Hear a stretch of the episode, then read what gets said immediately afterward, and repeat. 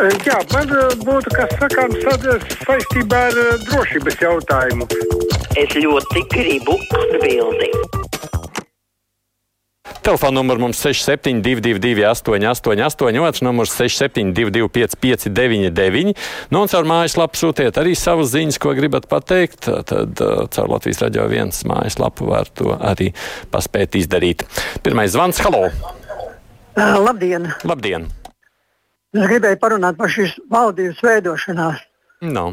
Veidošanas iemesls ir tieši tas, vai mūsu sabiedrībai piespiest dzīvot biseksuālu dzīvesveidu vai arī normālu, dabīgu dzīvesveidu. Un viss šīs uh, peripētīs notiek tieši tāpēc. Tas ir jau no paša sākuma, lai varētu ievēlēt prezidentu, panormālu cilvēku, un lai mūsu sabiedrība piespiest pieņemt, ka pareizais dzīvesveids ir biseksuāls, kur nav teiksim, dzimums, kad viss ir vienādi, kur ne, teiksim, nav dabisks dalījums tēviņos un mātītēs. Kā... Nu, ko lai es jums saku? Jums acīm redzot, ir kāds savs priekšstats, un jūs šo savu priekšstatu izveidojat par nu, beig beigās patiesību, kas nosaka visu, kas notiek Latvijā. Es jums sacītu, ka es tā to pilnīgi noteikti neredzu. Kāpēc migrāciju no Baltkrievijas sauc par hibrīdu karu? Ja Lukašenko teica, ka agrāk viņš nelaida iebraukšos migrantus, iet kur grib, bet tagad laiž, lai viņi iet kur grib. Leod, šāds jautājums, uz kur, protams, arī būtu iespējams mums šeit diskutēt. Halo! Labdien! Labdien! Šeit vecs noguris kundze. Es jūtu, ka man vairs nav, nav jāiet uz teātri. Pietiek ar paklausīties, kā partijas uzstājās.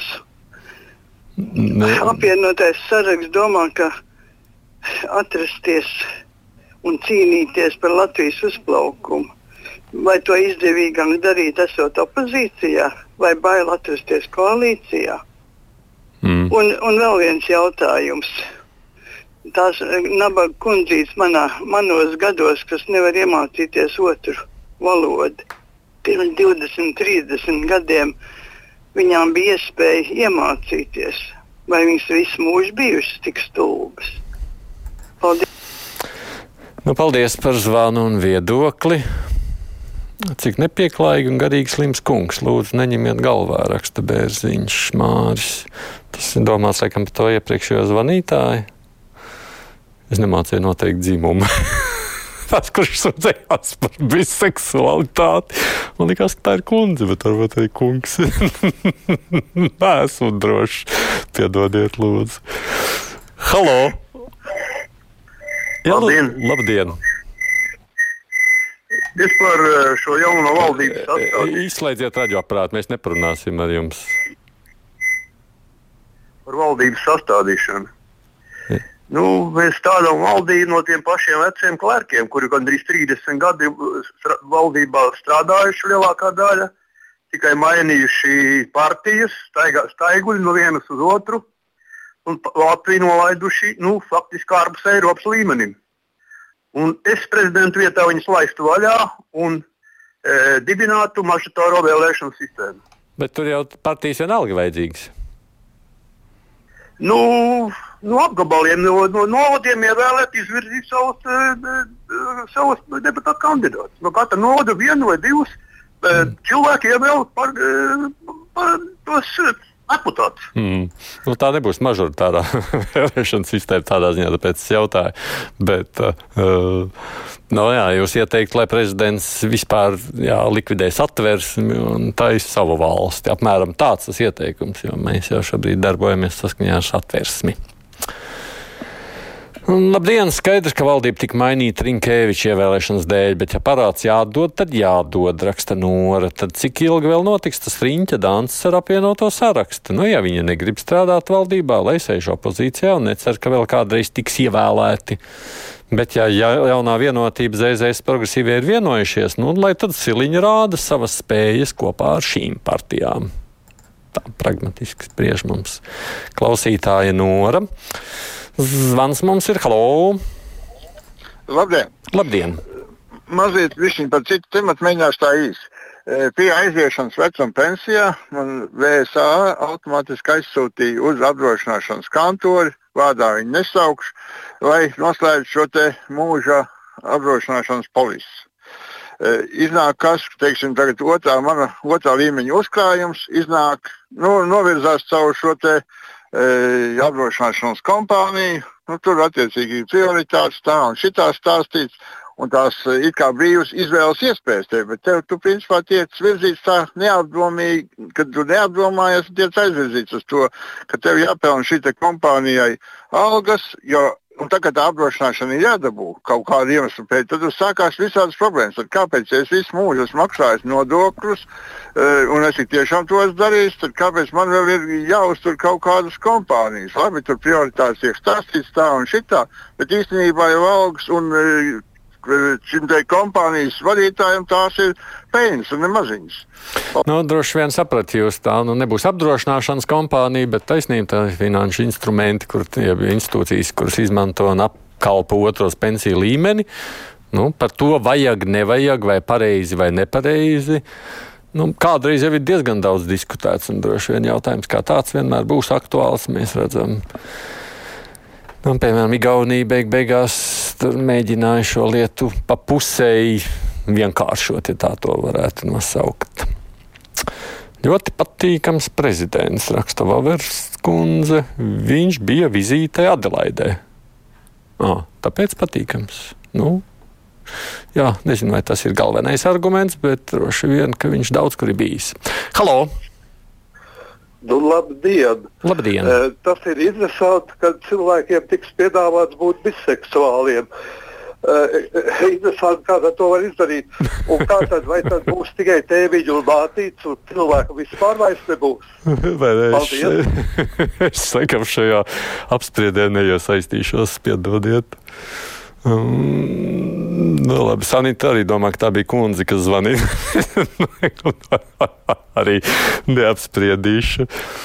Uh, nu, tā vienkārši katrs apgabals ievēl savu deputātu un tad skatās, kuras partijas ir iekšā.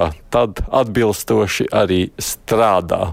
Tāds ir ziedoņa rosinājums par to, ko vajag darīt ar vēlēšanu sistēmu. Halo! Svans! Labdien! Runāsim? Halo. Jā, lūdzu, droši. Labdien! Labdien! Mīļie latvieši! Izslēdziet radioaparātu. Es nevarēšu ar jums parunāt, atkal man tas pats jāatgādina. Jā. Mīļie latvieši! Es klausos, un man ausis vilst, ka tomēr runājot par cilvēkiem, nevajadzētu aizvainot. Vajadzētu tomēr izvēlēties korektus vārdus, jo tas arī liecina par mūsu izglītību, ja? un arī par krievu valodīgajiem izteikties tomēr ar pietāti. Jo Piedodiet, es sapratu jūsu domu, bet lūgums izslēgt.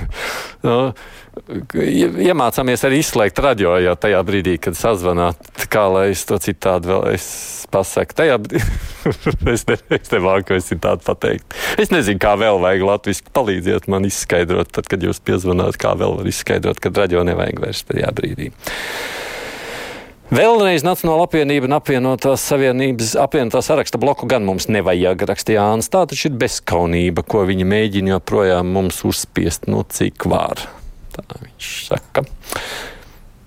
Halo! Labdien! Labdien! Eh, Vai es.